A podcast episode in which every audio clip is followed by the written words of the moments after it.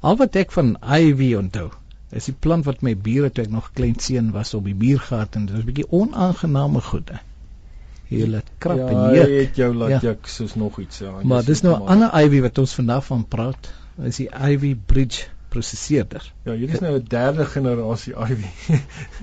Kom ons kyk, die die vraag was gewees uh um of uh, ja, die vraag wat gestel was deur die luisteraars, wat is die doel van die nuwe Ivy Bridge prosesseerders? Nou uh, soos wat ons weet, Intel bring my elke nou en dan 'n 'n nuwe generasie prosesseerder uit en dit staan nou net so hier ook die geval met Intel se derde generasie prosesseerder wat dan nou Ivy Bridge genoem is.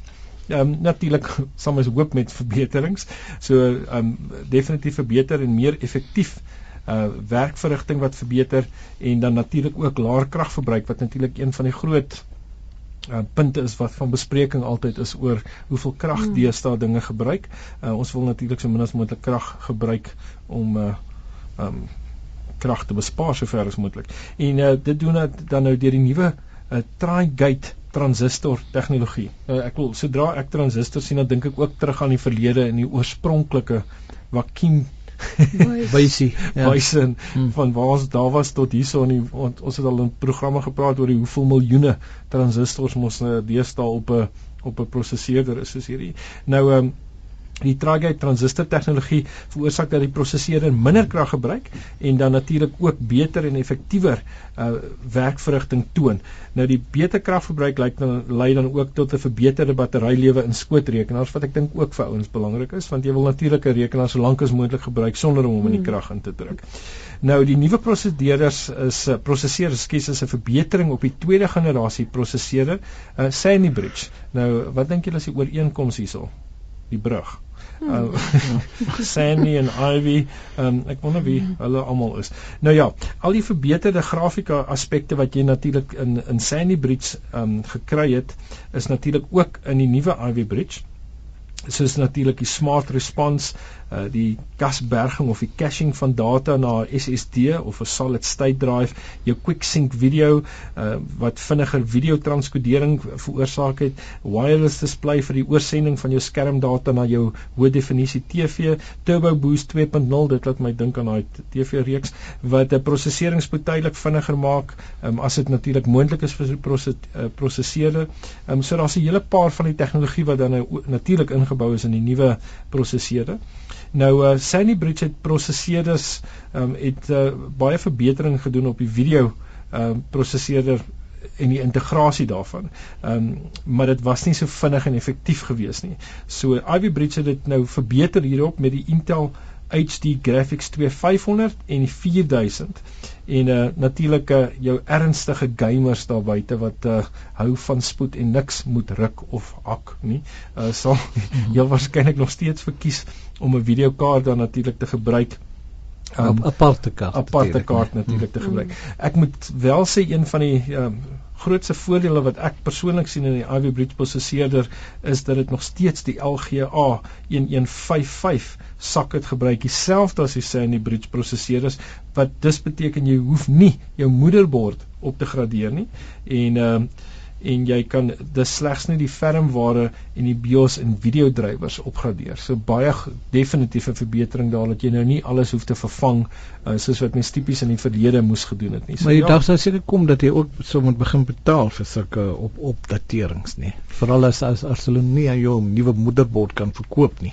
ja, ag, ek dink daarom nie so nie. Ek dink uh, op hierdie stadium wil besighede hulle kliënte behou. So daai gaan maar altyd mens moet gaan kyk na daai balans natuurlik wat is ehm um, Hmm. tussen wanneer maar natuurlik ek wil ons het maar ons het gesels ook daaroor dat tegnologie op een of ander stadium gaan tegnologie gaan jy nie regtig veel meer vorentoe kan gaan nie um, maar jy gaan ander komponente bykry wat saam met dit gaan werk en ek dink Hmm. ons begin nou al hoe meer na daai plek toe beweeg dat ons na meer en meer jy gaan addisionele komponente in werkvrugting kry um, wat wat dan natuurlik nou saam saam gaan werk Goed, Ari meer inligting hieroor Ja, natuurlik is daar altyd meer inligting. oor Ivy en Sandy en al die het ander jy maar die meisies. Wikipedia, en.wikipedia.org en dan gaan dit oor die Ivy Bridge, die micro-architecture daarvan. Dan is daar artikels op www.pcmag.com. Ehm um, so daar is heelwat daar is heelwat inligting op internet beskikbaar natuurlik vir as jy meer wil weet oor ehm um, oor oor Ivy Bridge. So gaan kyk gerus dan weer by RSG se webwerf. Ja, gaan kyk gerus by www.rsg.co.za en onder programme volg net Charlotte. Nou ons uh, gereelde luisteraar Alwyn het weer ja. vir ons uh, webwerf ingestuur. Ja, hierdie keer stuur hy vir ons www.skoolnuus.co.za. Ehm um, nou hy noem ook dat dit is 'n media 24 is wat die projek loods en dat daar al baie aanlyn koerante gemaak is. So ehm um, skoolkinders, kinders op skool het of onderwysers wat is gaan joernaliste te word. Gaan kyk gerus ja, maak jou eie aanlyn koerant. En ons sien na aanleiding van ons laaste paar uh, programme waar ons uh, mense raad gegee het oor gratis programme, is daar nou baie mense wat inskryf waaroor een van hulle is Tommy wat vra vir 'n gratis program wat enige tipe zipleer kan oopmaak. Ja, hy sê hy kry veral raar leers wat hy moet oopmaak. Dis nie um, raar soos 'n raar soos 'n rou nie. .r a r. Ja, dis ja. nie raar soos 'n Ja. ja, ek weet skryf verskillende programmetjies. Jy kry mos maar 7 zip en jy kry wat WinZip en jy kry die betaalprogramme en, en so aan hmm. en dan kry jy nou gratis oop kode programme. Nou hy moet dit goed kan oopmaak. Nou daarom sal ek sê hy kan Universal Extractor gebruik. Nou Universal Extractor maak enige tipe gekompresseerde of zip layer oop en is gratis. Nou die enigste ding wat dit nou nie kan doen nie is ehm um, dit kan dit kan nou nie vir jou dit kan nie weer vir jou lers gaan zip nie. Hmm. So dit maak dit oop, maar jy moet nog steeds jou eie of jou bedryfstelsel kan ook dit vir jou zip. Ja, so dis 'n eenrigting zipper. Dis dis 'n eenrigting. Dit is oopmaak. ja, dis net 'n oopmaak. Jy kan nie toemaak. Hierdie hierdie deur maak jy toe nie. Jy kan nie die zip weer optrek nie. hy kan dit zip nie, maar hy kan dit wel oopmaak. Mhm. So as jy net 'n behoefte het om dit oop te maak, dan kan jy gerus gaan kyk by www.softpedia.com skynstreep skynstreep compression koppelteken tools skynstreep universal koppelteken extractor.html. Hmm. Nou baie van ons luisteraars het al uh, uh, dank uitgespreek oor die feit dat ons nie te tegnies raak in ons programme nie ja. en ons ons doen dit opsetlik so nê sodat ons kan probeer dat uh, mense verstaan wat aangaan in jou rekenaar. Ja. Nou Jan Mostert het vir ons 'n uh, webwerf ingestuur wat ook so werk. Ja. Nou baie mense is nie sien die kans om regtig te gaan tegnies so goed oplees as hulle wil uitvind hoe hulle rekenaar werk nie. So hy het vir ons ingestuur 'n webwerf met die naam www.fastchip.net skynstreep how computers work in woord skynstreep uh boek uh b pdf.pdf So dit so is 'n PDF leer wat jy kan gaan oopmaak. Moenie die mekaar raak nie. wat jy kan gaan oopmaak en dan gaan kry maar gerus die skakel weer by RSG se skakel. Ja.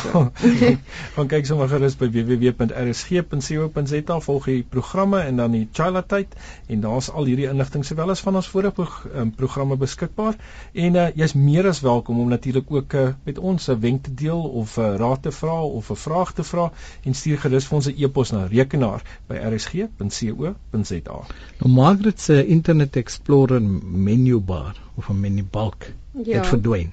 En sy wil graag terug hê. Kan jy help haar? Um, ja, kyk dit kom. Dis dit is nie snaaks nie. Dit het nie. Dit is dit jy sien dit nie meer nie. Dis as dit is so geskryf, né? Ja. Dit dit is so.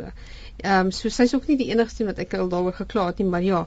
Ehm um, sy sy sê sy, sy wil dit terug hê want nou wil sy sê ietsie print en nou wil sy nie weet sy nie om dit wel print uit te kom nie. So dis baie maklik om dit terug te sit. Jy hoef basies net die alt sleutel te druk, dan dan sit hy weer vir jou daai die die menu balk weer terug. As jy hom weer druk, gaan hy weer verdwyn. Nee, jy kan as jy volgende webwerf oopmaak dan dan sê hy weer nie daar nie en as jy dit wil sien dan druk jy sommer net weer alt. En dan maak hom. Baie eenvoudig. Daar's 'n ander gewenk en dan dan het jy ook iets oor die F8 sleutel. Ja, hierdie is 'n baie oulike kunsie wat ek nou dag eers ontdek het. Um, um soos 'n mens iets kan sit en jy, jy kan shift inhou en dan klik jy net weer die laaste een en om alles te selekteer, kan jy F8 gebruik, maar F8 druk jy een keer. Dan kan jy jou pyltjies of page up page down gebruik tot waar jy dit wil doen en dan kies hy al daai daad alles tussenin kies hy. Okay. En dan as jy dit wil kanselleer, moet jy escape druk. Baie ja, dis dis nuttig. Baie ja. dankie Adi. Ja. Tyd vir 'n vraag. Ja, ons het uh, weer een van ons uh, vrae gekies wat uh, een van die luisteraars gehad het. Ek dink dit was was dit um Koos Prewer, dit was Koos Prewer gewees van Pretoria wat vir ons gestuur het. Hy wil weet, ehm, um, hoe kan 'n mens jou Android tablet rekenaar beskerm teen kwaadware? Nou jy kan sien, ehm um, koos dit natuurlik nou 'n Android en dit heel waarskynlik of hy is bang hy gaan dalk 'n kwaadaardige goedjies kry. So ja, ons gesels volgende week daaroor. Hoe kan 'n mens jou Android tablet rekenaar beskerm teen kwaadware? Tot dan van Verkeeras Paul Grobler en Adie van Rensburg. Totsiens.